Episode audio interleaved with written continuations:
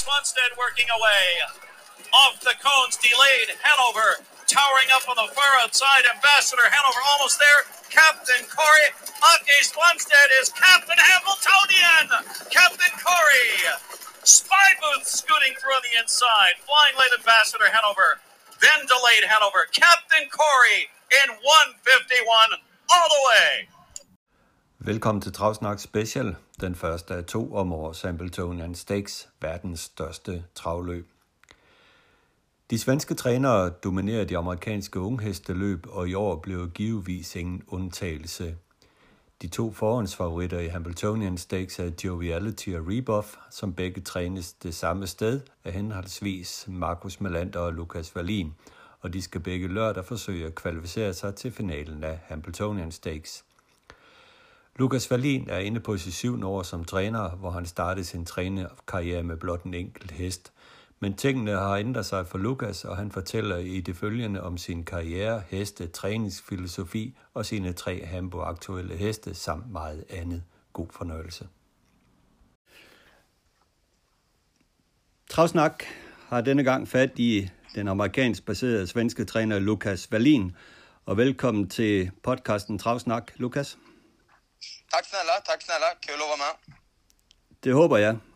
Og jeg har jo øh, taget fat i dig, fordi at du er højst øh, aktuel i årets Hambletonian øh, med øh, to heste hos øh, Hængstende, eller i den åbne afdeling, som det jo er, med Rebuff og BS Superhero og Jokes med Manon. Og øh, men allerførst, øh, Lukas, øh, kan du starte med at præsentere dig selv lidt øh, for, for de danske lyttere af podcasten? Øh, hvem er øh, Lukas Wallin? Absolut. Eh, jag är 29 år och är från, från Sverige. Då. Eh, min, eh, min släkt har haft hästar. Min morbror Joakim Wallin har varit framgångsrik travtränare och det, är ju, det var ju där jag lärde mig grunderna och där har jag varit i många år och det är ju det är, det är på grund av honom att jag är travintresserad och, och, och är där jag är idag såklart. Så där började jag och så gick jag på travskolan Vången eh, uppe i Östersund, tre år. Eh, en travskola där det var en fantastisk tid där man fick lära sig väldigt mycket och få bra kontakter. Och så, genom det så har jag varit i, hos olika travtränare. Jag var hos eh, eh Åke Svanstedt en tid i Sverige och så var jag hos Joakim Lövgren, Björn Goop och Timo Nurmos eh, kortare eh, eh, tider där som praktik och sommarlov och sådär. Så, och efter det var, började jag hos Stefan Persson i Halmstad där jag var ett och ett halvt år.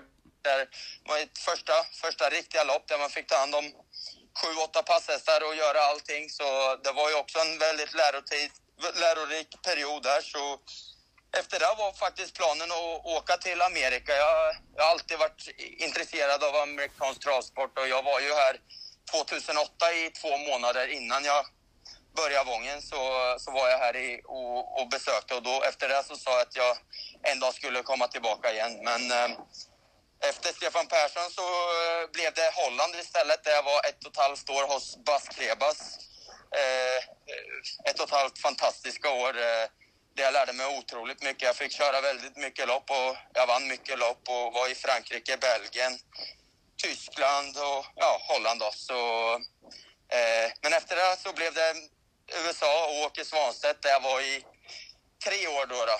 Och eh, väldigt, väldigt bra. Både fick köra mycket lopp och eh, fick väldigt mycket ansvar och få jobba med Åke Svanstedt som är en, en av eh, världens bästa hästkarlar så lärde man sig otroligt mycket där såklart. Så det var, det var väldigt lärorikt och så ja, efter, efter nästan tre år så kände jag väldigt eh, sugen på att prova, prova själv så då blev jag egen tränare och började med, med en häst som jag köpte själv. Då. Så, eh, där, vi började tungt och svårt och i, i en stor, stor och lång uppförsbacke men vi har jobbat på och blivit bättre och bättre. Och, eh, ja, för varje år tycker jag att vi har fått finare hästar och presterat bättre också. Så, och, och nu är vi där vi är. Ja, men det är jo en fantastisk karriereforløb, du har haft, øh, Lukas, og jeg kan jo se på dine resultater, at de successivt bliver bedre år for år. Sidste år kørte du over en million dollars øh, ind, øh, så det går ganske bra for dig. Men har jeg forstået det ret, at du egentlig havde planeret en ferie i Spanien, men så ringede Bernie Fogg og sagde, kom over til os og jobbe? Ja, exakt så var det faktiskt. Vi, jag, jag skulle ta en, en semester i Spanien med hela släkten och familjen. Så eh, det, jag, fick, eh, jag fick ta återbud och ändra den planen. Så då fick jag åka hit istället, vilket jag var väldigt nöjd över. Och sedan har du inte sett dig tillbaka till Sverige? Nej, precis. Jag var i, nej, verkligen. Jag, jag var i Sverige en gång där när jag jobbade åt Åke Svanstedt. Eh, fick jag åka med Resolve till Elitloppet, vilket också var en höjdpunkter. Jag slutade tvåa i finalen bakom Nuncio och eh, sen dess har jag faktiskt aldrig varit i Sverige nu på, ja är det åtta år då. Och du saknar inte Sverige?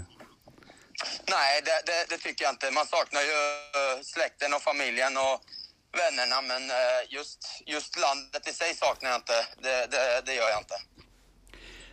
Var befinner du dig nu i USA? Var tränar du din häst? Uh, New Jersey New Egypt eh, på eh, Eh, Marcus Melanders eh, gård eh, där Stanley Dancer bland annat var och sen efter det var det ju Continental Farm så det har varit otroligt många topphästar här och det är, det är Marcus och jag som är här på den här gården och jag är ju väldigt tacksam och, och nöjd över att jag får hyra in mig på den här gården. Där, här tycker jag vi har väldigt fina banor. Det är toppkvalitet på banorna hela tiden. Det är en 800 meters bana som är i toppklass hela tiden och så har vi en väldigt, väldigt fin rakbana som vi, som vi tränar på. Så eh, där är vi var vi befinner oss. Vilken träningsfilosofi øh, jobbar du efter? Har du, øh, har du ladet dig inspirere af andre, eller har du ligesom gået din egne vej?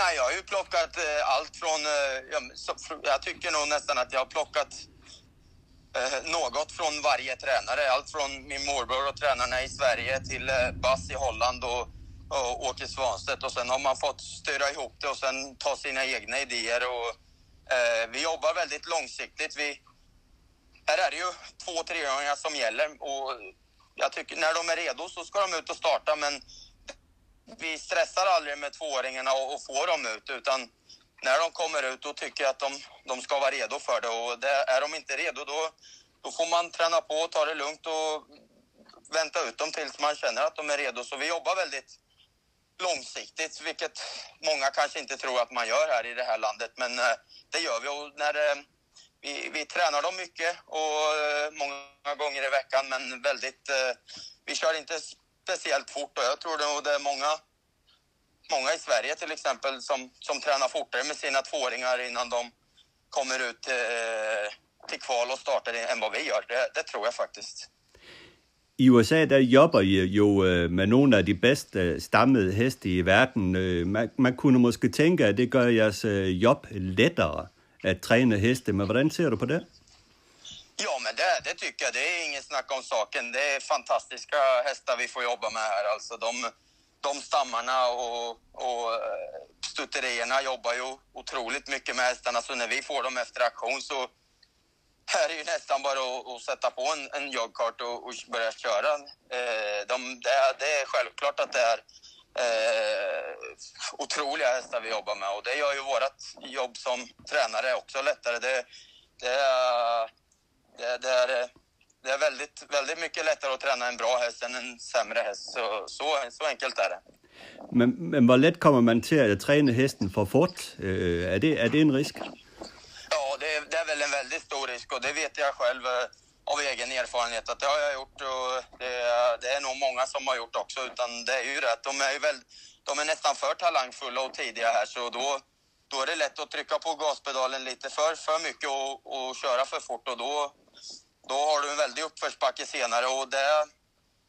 Eh, ja, nu, nu, eh, nu är, närmar sig handboll men det, och då tror folk att det, det är det som gäller. Men efter det så är det otroligt mycket storlopp. Så kan du ha en häst fräsch och frisk eh, fram till november så, så har du storlopp ända fram till november. Alltså med både två och treåringar. Så det, är, det gäller att ha is i magen och välja, välja sina lopp och, och, och köra lugnt och försiktigt, det tycker jag. Ja, men då finns det också riktigt fina pengar om nu att köra om för fyraåringar i graduate stakes och, och de löp. Precis, precis. Det blir ju mer och mer där faktiskt. Det, det, eh, det, eh, det, det, finns, det kommer mer och mer och det är ju väldigt bra. Det är ju, det är ju viktigt också här över att få försöka ha dem kvar, topphästarna, eh, efter treårssäsongen eh, och få dem att starta i alla fall fyraårssäsongen och sen ännu längre om det går. Det, det är klart. Nu ser du, du tränar din häst mycket. Hvor, hvor, hvor meget tränar I med hästen? Hvor mange dage i veckan tränar I hästen när det är två års, tre års? Ja, så, eh, som tvååringar tränar de sex dagar i, i veckan då, så med olika pass och olika grader på tuffhet liksom. Så, men eh, som tvååringar, tre, tre gånger i veckan så får de gå lite rejälare pass och så eh, tre gånger i veckan får de gå lite lugnare pass. Eh. Och sen när vi börjar öka farterna lite ytterligare där i, i eh, mars, april, då, då eh, ja, april kan man väl säga, då, då får de gå fyra, fem gånger i veckan, oftast fem gånger i veckan. Då tar vi bort en dag så de bara får gå i hagen. Då. Alla hästar går i hagen varje dag. Så, eh, Eh, men eh, fyra till fem gånger i veckan eh, när vi börjar köra lite fortare. Innan det så går de sex dagar i veckan. Och treåringarna är detsamma faktiskt. Där, där går de oftast fem gånger i veckan. Två, två lite rejälare pass för dem då och, och eh, tre lite lugnare pass.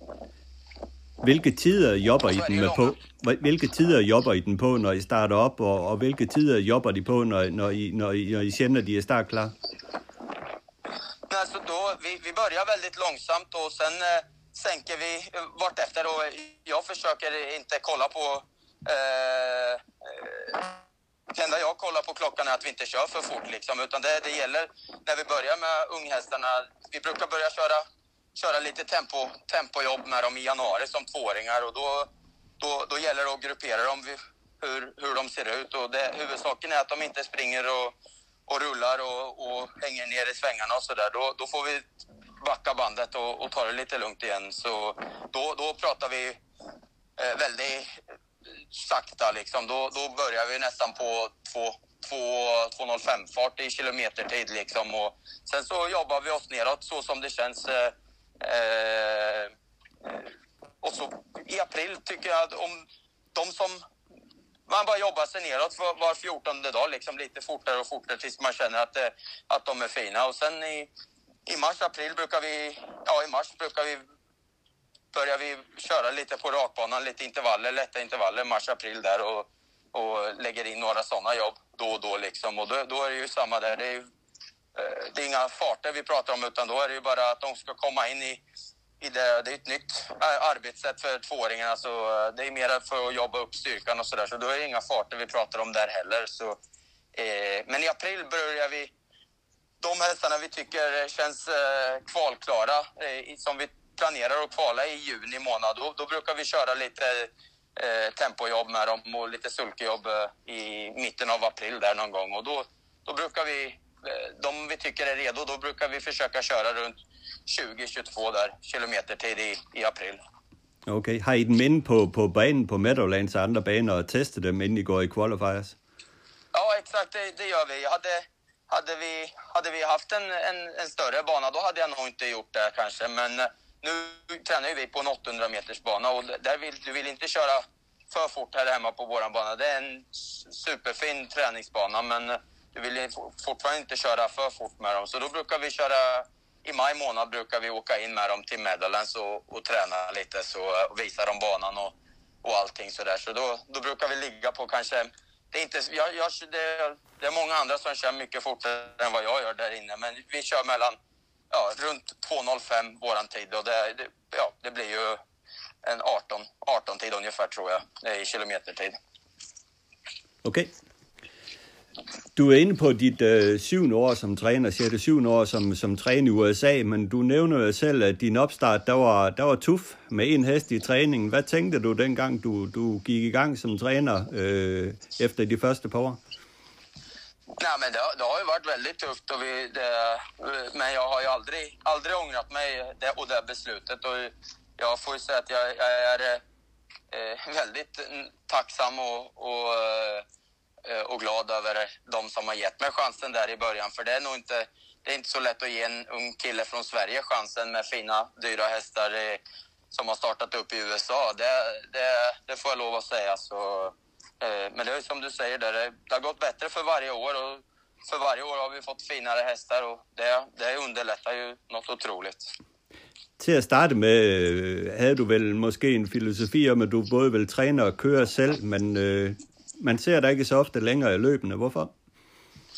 Nej men exakt, jag körde ju som sagt väldigt, väldigt mycket när jag var hos Åke Svanstedt och fick köra stora lopp och på det sättet så kunde jag väl bli tränare också för då, då visste folk vem jag var. Hade jag bara varit inne i stallet och varit hemma och tränat då, då vet inte så många vilket, vilket namn, vad, vad det är för namn som, som är där ute. Så eh, jag körde ju väldigt mycket där och jag tyckte själv att jag gjorde det rätt så bra då. Eh, körde, körde mina hästar själv men då det, var, det, det, är tufft att konkurrera mot de här kuskarna som kör eh, ja, 15-20 lopp om dagen. Liksom. Om jag kör fem lopp i veckan, det, det är svårt att konkurrera mot dem. Så eh, då, då tycker jag att eh, då, då, är det bättre att jobba med dem än emot dem. Så jag gillar att köra själv fortfarande om jag, om jag har någon häst som jag någon problemhäst eller om det är någon häst jag ska ändra lite utrustning på. Så, där. så jag tycker det är ett väldigt stort plus att jag kan köra och jag kan systemet för att känna lite på hästarna ibland och veta vart jag, vart jag har dem och sådär. Men när jag, när jag tycker att de är redo för, för, eh, för, för prestation, riktiga prestationer, då tycker jag att det då finns det andra kuskar som är betydligt bättre än mig och då är det bättre att använda dem. Jo, men nu har du jo også tilgang til, til T-Trick og Dexter Dunn og det her. Det er jo ibland uh, øh, verdens bedste kusker. Det kommer man jo ikke udenom. Precis, precis. Visst är det så. Det är samma där. Det var ju... Det underlättar ju att använda dem och det är ju, det är ju fantastiska kuskar alltså. och Det är, eh, de, har, de har bra känsla med hästarna och de, de, eh, de kommer också med bra idéer efter loppen och sådär om de vill ändra någonting. Så det är ju... Det är, eh, ett stort, stort plus att vi kan få använda de kuskarna såklart. Om ikke så længe så køres finalen jo af Hambletonian Stakes, hvor du har, hvis alt går efter planen, to heste til start i, i, i, blandt, i den åbne og en i Hambletonian Oaks. Hvor højt rangerer du det løb, og er det for dig det største løb i verden? Ja, för mig som är här i Amerika så tycker jag att det, det är det största loppet i världen och jag tror nog att de flesta eh, tränare i hela världen säger nog att det är Prix d'Amérique och Elitloppet och eh, Hambletonien som är de tre största loppen i världen. Så det är ju det är fantastiskt att nämnas i, i, i ett lopp som Hamiltonien. så det är ju otroligt stort.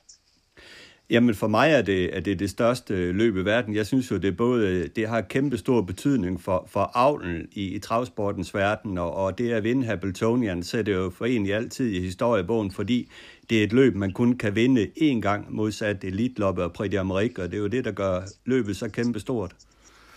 Precis, ja, jag håller med. Och det är samma med, ja, med derbyt och kriteriet i, i Danmark och, och i Sverige och sådär. Så det är som du säger, hästarna har bara chansen en gång i livet. Eh, och det är väldigt viktigt att lyckas pricka formen och att hästarna har en bra dag till just det loppet.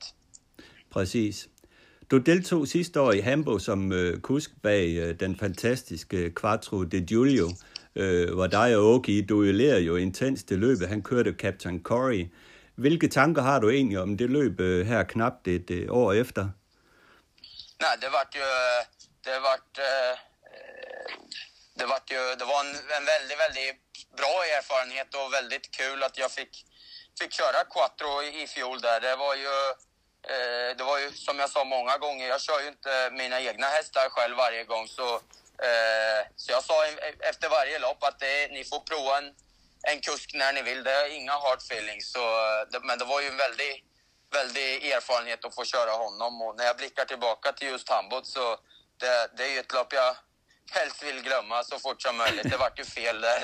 Det, det, vi, vi provade från start och så det var nära att det gick att jag eh, kom, kom in bakom Åke, men det gick inte och eh, då var ju det loppet förstört redan efter ja, 400 meter. Så det, var, det är ju inget lopp jag vill komma ihåg direkt, men samtidigt, det, det är inte alla som har fått chansen att köra ett, en Hambletonian-final, så det, det, får man ha med sig. ja, precis. Uh, jag har hört rykter om att Quattro måske ska till Europa här efter fyra säsongen. Har du hört något om det? Uh, Nej, jag har hört att det har pratats om det och det, det finns nog planer. Och jag tror att han hade passat väldigt bra där också. Det är en fantastisk häst som, som, eh, eh som har ett otroliga motorer och eh, otrolig kapacitet. Han har väl kanske inte den bästa tekniken, men eh, eh, det är en fantastisk häst. Och det hade ju varit väldigt roligt att se honom eh, eh i Europa, det måste jag säga. Ja, han har jo den her krydsning med amerikansk og fransk øh, blod, som, øh, som der er rigtig mange fine heste efter, efterhånden i USA. Øh, så vidt jeg husker, når jeg har set på din standliste med to og tre års, øh, du har ikke, øh, du har mest øh, amerikansk, rene amerikanske traver i din stald, er det korrekt? Øh, ja, exakt. Det, det är vad vi har. Och det, det är ju någonting som jag, jag tror stenhårt på att mixtra med amerikanskt och, och franskt eller europeiskt så att säga. Så Eh, men eh, eh, just för tillfället så, så har vi inte det. Vi har ju, eh, vi har ju haft några och det är ju, och jag tror ju det är vägen att gå liksom för att, för att hitta det absoluta rätta och mixtra. Så eh, hoppas vi kan få chansen. Hvordan ser du på, på mixen mellan pasgängarblod och traverblod? Ja, det, jag vet ju Jag har ju, fun- har ju blivit väldigt lyckat här några gånger och så sent som, i, som igår där med Don Fanucci sett. Eh, eh, men samtidigt så har det varit väldigt, väldigt många som inte har lyckats med det. Jag, jag har inte någon jättefeeling kanske över just det eh, med att blanda passgångarblod och, och travarblod. Men eh, eh, ja, det är ju många, Captain Corey, och det, det, är ju väldigt många power och det är ju väldigt, väldigt många alltså som, som har blivit, att det har blivit bra. Men just min personliga åsikt är, jag, jag har inte fått någon riktig feeling eh, över att det här ska vara vägen att gå. Men en häst som du har stor feeling för, det är Rebuff, så låt oss uh, snacka lite om dina Hambo-hästar i år. Uh, du köpte Rebuff på Lexington-auktionen för 200 000 dollars. Uh, vad var det du såg i hästen den gång, där gjorde att du, uh, du gav så många pengar för honom? Ja, det, det, jag såg honom första gången på, på, i Hunter, på Hunterton där innan auktionen. Jag tror det var någon en, ja, en och en halv månad innan aktionen. Och jag, jag, föll, jag föll för honom redan då. Så åkte jag en gång till till gården för att kolla på honom och jag tyckte att han, han var otroligt fin. Alltså det, han hade fin personlighet och exteriört så är han väldigt, väldigt fint. Han, eh, han, har, han är inte den högaste hästen, han är inte, han är inte så hög men det är, det är riktiga motorer i honom. Fin manke och bra djup och väldigt fint kors också. Eh, står rätt så väldigt korrekt för att vara en Muscle Hill. Det är okay. många Muscle Hill som är lite...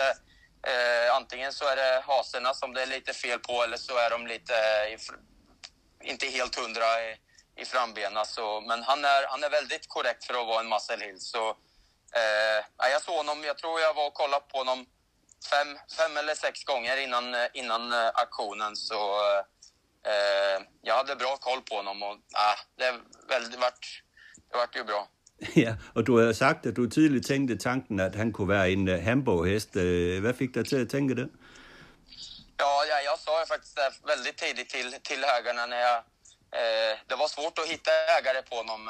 Eh, så, men när vi, när vi väl hade lyckats få en, en, en ägargrupp eh, så sa jag väldigt tidigt att det här, är, det, här är, det här är något speciellt. Han visar otrolig fart alltså redan i januari som tvååringar, som tvååring visade han att han hade ett väldigt, väldigt fartkunnande. Liksom. Men han, han var inte riktigt redo kanske psykiskt. Han ville lite mer än vad han, vad han klarade av. Så, eh, eh, eh så vi fick, vi fick eh, backa bandet lite och köra lite fint och snällt eh, backa med honom från start och så där och köra bakifrån och, så att han fick avsluta fint i loppen och så där.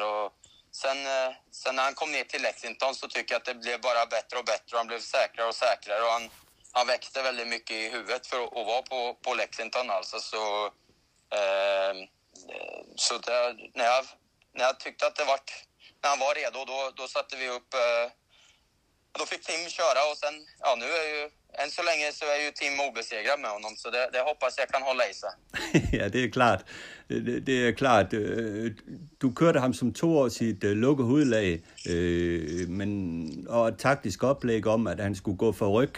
men i år har du ändrat det till ett öppet huvudlag och i sin sista start gick han för första gången från spets, och var ju helt suverän på tangeret banerekord på, på Meadowlands øh, med tiden øh, 1.082. Øh, hvilke tanker er, det, er, er der bag de der ændringer, du har lavet på hesten?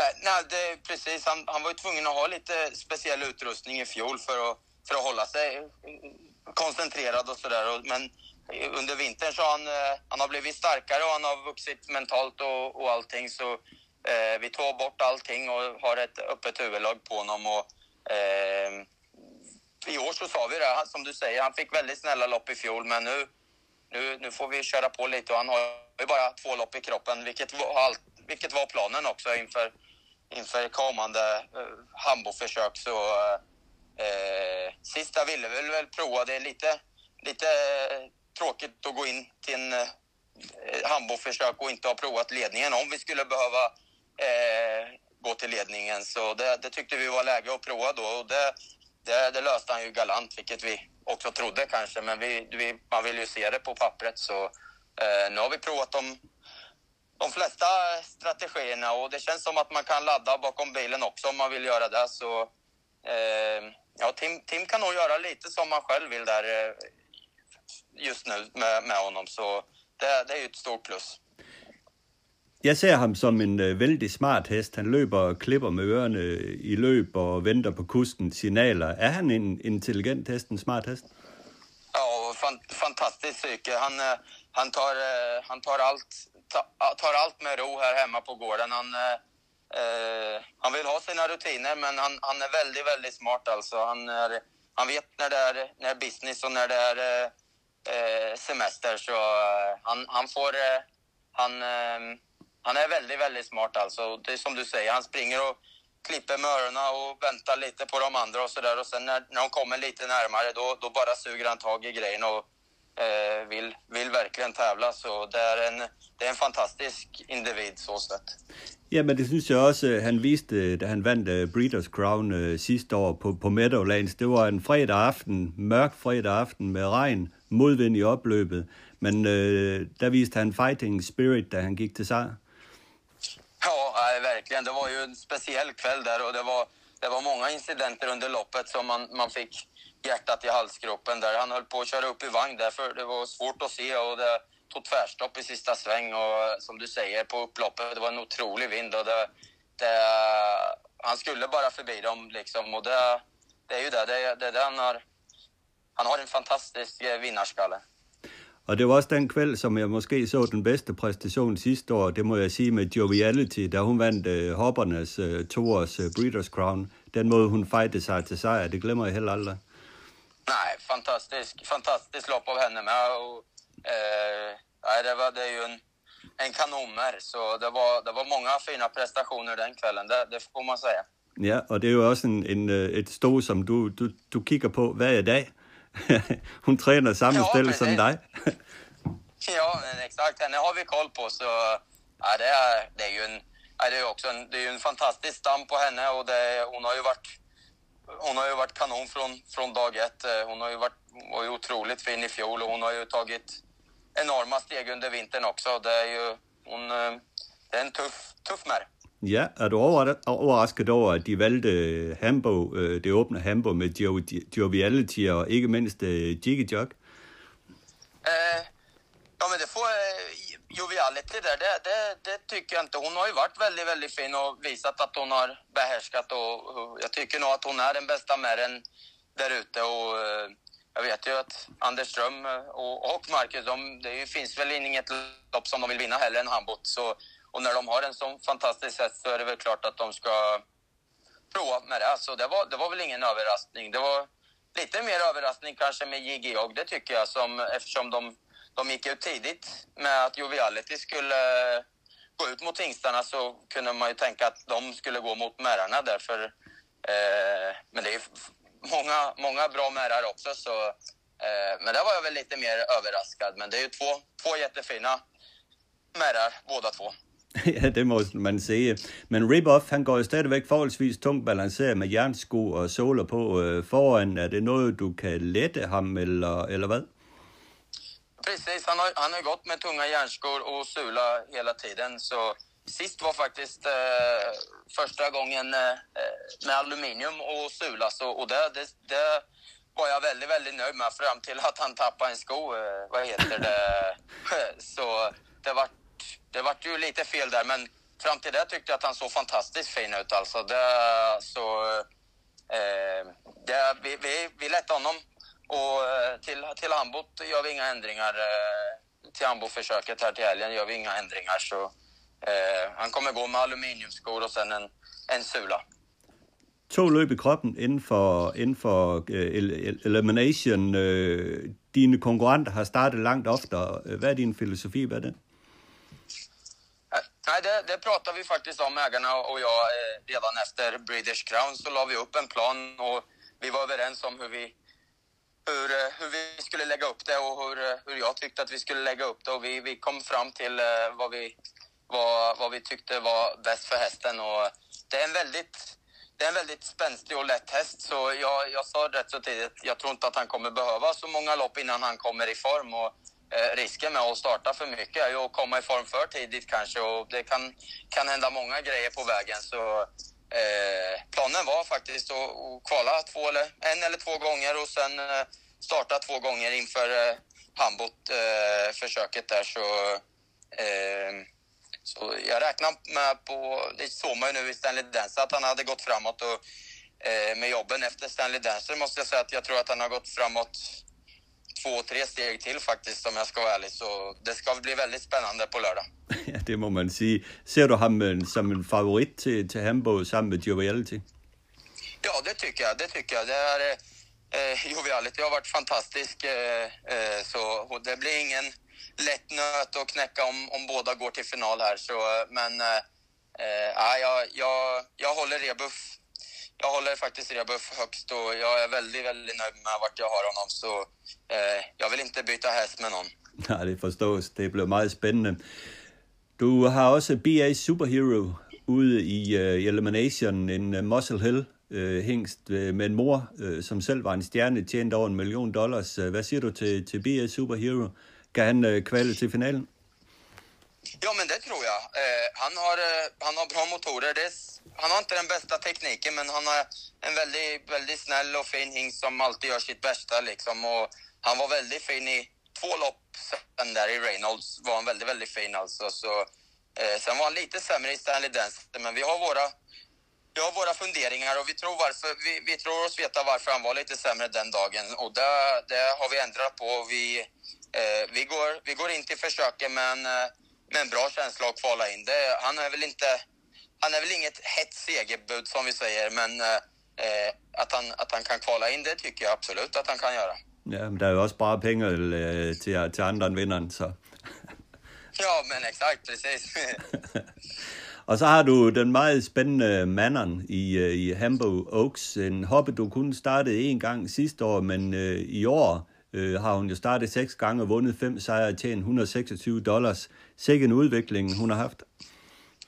Ja, det är ju fantastisk eh, barhopping med eh, hon, hon, visade, hon visade bra farter redan i fjol och kvalade fint och gjorde ju bara en start som du sa i fjol och efter det blev hon, blev hon lite ofräsch och eh, ägaren gick med på att backa bandet och törna ut henne så hon fick ta det lite lugnt i hagen och sen så eh, eh, var väl kanske planen att starta några gånger på hösten men jag, jag tyckte inte hon, hon kom inte riktigt tillbaka så som vi önskade så då sa vi att då gör vi bokslut och så vintertränar vi och hon har fått en, en ordentlig vinterträning här på hösten och, och, och, och i vinter. Och, eh, så vi kom in i den här säsongen väldigt optimistiska att det är en väldigt fin mär. Men eh, den, den här utvecklingen hon har haft, det är ju, den är ju väldigt, väldigt bra, så det får man säga.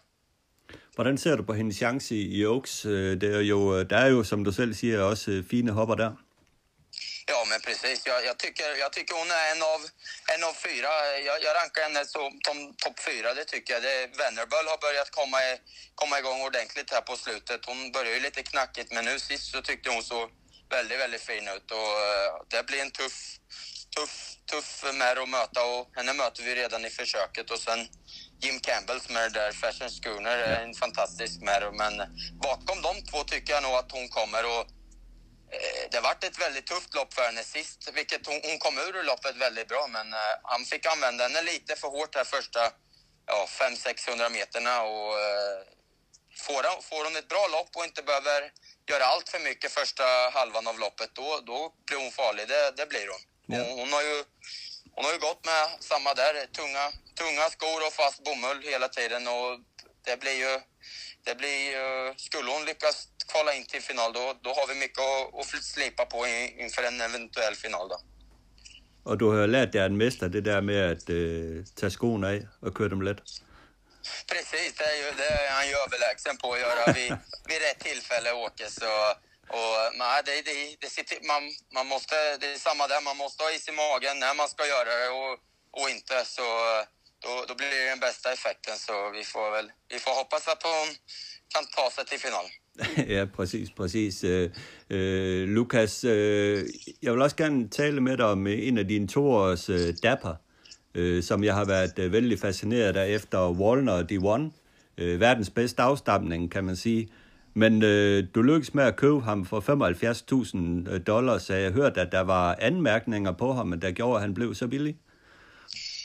Ja, det var ju, det var ju, det är samma där. Jag såg honom på Hunterton och tyckte att det var, jag, jag hade honom som øh, andra, andra, andra, min andra favorithingst på, på, på Hunterton och nästan hela aktionen också faktiskt. Men øh, det är en jättefin exteriör på honom och bra psyke på honom. Så, Eh, men när vi tog X-rays på honom så hade han ju haft väldigt många benbitar och han hade fortfarande några benbitar och eh, de, det var några som satt lite, lite illa till så eh, det var en chansning men för de, för de pengarna så var det ju var det värt det, det tyckte jag. Jag hade inga riktiga ägare klara för honom men jag sa till mig själv att går han för eh, okej okej pris så då, då, då tycker jag att man kan eh, chansa på det. Så när eh, det var, det var nog den hästen jag haft. Jag tror jag hade inom en timme så hade jag nog 30 personer som ville köpa in sig i honom. Så han var, han var lätt att sälja ut. Så jag berättade för dem om eh, historien så de, de var medvetna och det var som de sa att för det priset så är vi villiga att ta den risken. Och, eh, han har ju börjat jättefint, det har han gjort. Ja, det må man sige. To starter og to sejre, som jeg lige husker det. Men øh, inget øh, Peter Horton for ham? Nej, precis. Det, det sa vi rätt så tidigt på grund, av, på grund av problemen eller, som han hade under aktionen. Och han började, när vi började jogga honom, så började han lite knackigt och sprang och fuskade med ett bakben där som, som, som benbitarna satt i. Då. Så, eh, vi tog det väldigt, väldigt lugnt med honom och eh, i februari, mars så var han, ju, var han nog den som var eh, längst bak av alla hästar. Men man, man kände att det var ett väldigt bra driv i honom. Men vi, vi sa det att eh, vi får ta det lugnt och alla ägare var med på det och vi sa faktiskt till och med redan i ja, vad var det, i april sa vi det att ja, vi får se om vi startar i år. Utan det, startar han i, någon gång i november så får, blir det bra ge han lite race experience och så tar vi dem nästa år. Men eh, sen jag tycker i, i april, i slutet av april där hände det otro, otroliga grejer med honom. Så eh, då sa vi, provar vi att kvala och nej, sen har han ju bara, eh, han är inte helt klockren i travet men han, eh, han är, eh, det är, en, det är en väldigt, väldigt fin häst. faktiskt. Og det går inte at plukke bort de benbitter. Eh, Ja, det har vi gjort, det har vi gjort det. Men de, eh, så vi har plockat bort dem och det, det gör vi faktiskt med, med alla vi hittar. Men det var ju några som satt lite fel och det är, det är en has där som, som inte är den finaste hasen. Men, eh, eh, och det är väl det han känner av lite, men det, det är inget, det är inget eh, som, som, eh, som bekymrar honom så sätt utan eh, eh, det, det är någonting, men man får ju ha det i, i bakhuvudet och hålla efter och vi får inte vi får inte starta för mycket med honom heller. Så vi, vi tar ett lopp i kroppen, eller ett lopp i taget och så får han säga till eh, om, om, om han vill eh, vila. Ja, men, men du har jo på papiret en fantastisk toårskuld. Det der er hest efter Chapter 7, Wallen Muscle Hill, Tactical Landing, uh, you name it. Uh, hvordan ser det ud med din toårs? Nej men precis, jag fick ju, det var ju bästa kullen vi har fått köpa så eh, återigen, det är, ju, det är ju fantastiskt att vi har sådana ägare som vill satsa de pengarna eh, på oss. Och, eh, det, är, eh, det är väldigt många fina och jag tycker det är många fina som, som jag tycker ska kunna ha väldigt, väldigt fin höst. Alltså det är inte de tidigaste hästarna och det, det är väl lite så som vi har tränat också kanske. Så eh, hoppas att eh, de utvecklar sig här under sommaren och så kan vi nog vara med i, i några storlopp här under sommaren och, och, hösten. Det tror jag. Det är ju många, många märrar och hingstar. Det är en bra mix faktiskt. Mm. Det bliver meget spændende. Hvad bliver den næste store hængst i øh, amerikansk dragsport? Nu har vi jo set øh, uh, Wallner. Uh, øh, hvad med Green Shoe, Chimpanzee, Foster Mansion? Er det så nogle hængste, vi skal kigge på som de næste store, eller er der andre, du har tænkt? Nej, men jag, jag, jag, tror ju, jag tror ju stenhårt på Green Shoe som, som avelshingst. Det gör jag och Chimpanzee med. blir ju väldigt, väldigt intressant. Men jag har ju en jag har ju en för, förkärlek för, för såna hingstar som, som Greenshoe som hade den farten han hade. Det är ju, jag gillar när de är så där vrålsnabba och det, det tror, det, jag tycker eh, jag, jag, tror att han kommer vara superbra. Men det, det, får vi ju se rätt så snabbt också för han fick ju fantastiska märrar så det gäller ju att leverera direkt annars så det är tufft här borta. Det är många, det, man, man glömmer bort dem fort så men det är ju som du säger, det är Jimpansi och Greenshoe som, som, som, man, som kommer upp uh, direkt i, i huvudet. Det, det måste jag säga. Mm. En anden ting, som jeg også tit har tænkt på, øh, I, jeres svenske trænere, I gør det jo fantastisk i USA. Der er Åke, der er Markus og Mathias, øh, Per Ingblom, Nancy Jimmy Takter, Nette Lorentzen og så videre. Hvorfor, hvorfor er det, I fungerer så godt i USA? Nej, men det är ju, det är, det är ju Sverige är ju känt att ha väldigt bra hästfolk och det är ju samma med skötare. Jag tycker det, de svenska skötarna är ju väldigt, väldigt bra alltså. Och det är samma med tränarna. Och, eh, det, vi, vi, tränar väl dem lite annorlunda jämfört med amerikanerna. Och sen, sen får man ju säga att det är en stor del av att eh, vi, just jag har inte så många eh, svenska ägare som har många hästar i stallet. Men det är ju, vi har ju förspänt med ägarpunkten där. Det är många som av de svenska tränarna som, som får väldigt, väldigt fina unghästar att jobba med och det underlättar ju. Det, det, det, så är det ju. Mm. Spændende, Lukas. Det har i hvert fald været øh, meget interessant at uh, tale med dig til podcasten. Ja, det har varit väldigt, väldigt kul. Det är gott och du får stort lycka till. Tack snälla, det behövs. Vi behöver all lycka vi kan, vi kan få. det är gott. Hej du. Hej då, ha det bra. Tak fordi du tog dig tid til at lytte til Travsnak i samarbejde med Travservice. Har du input, idéer, kritik, ros, ja hvad som helst til podcasten, så giv mig en mail på adressen henrikdyrberg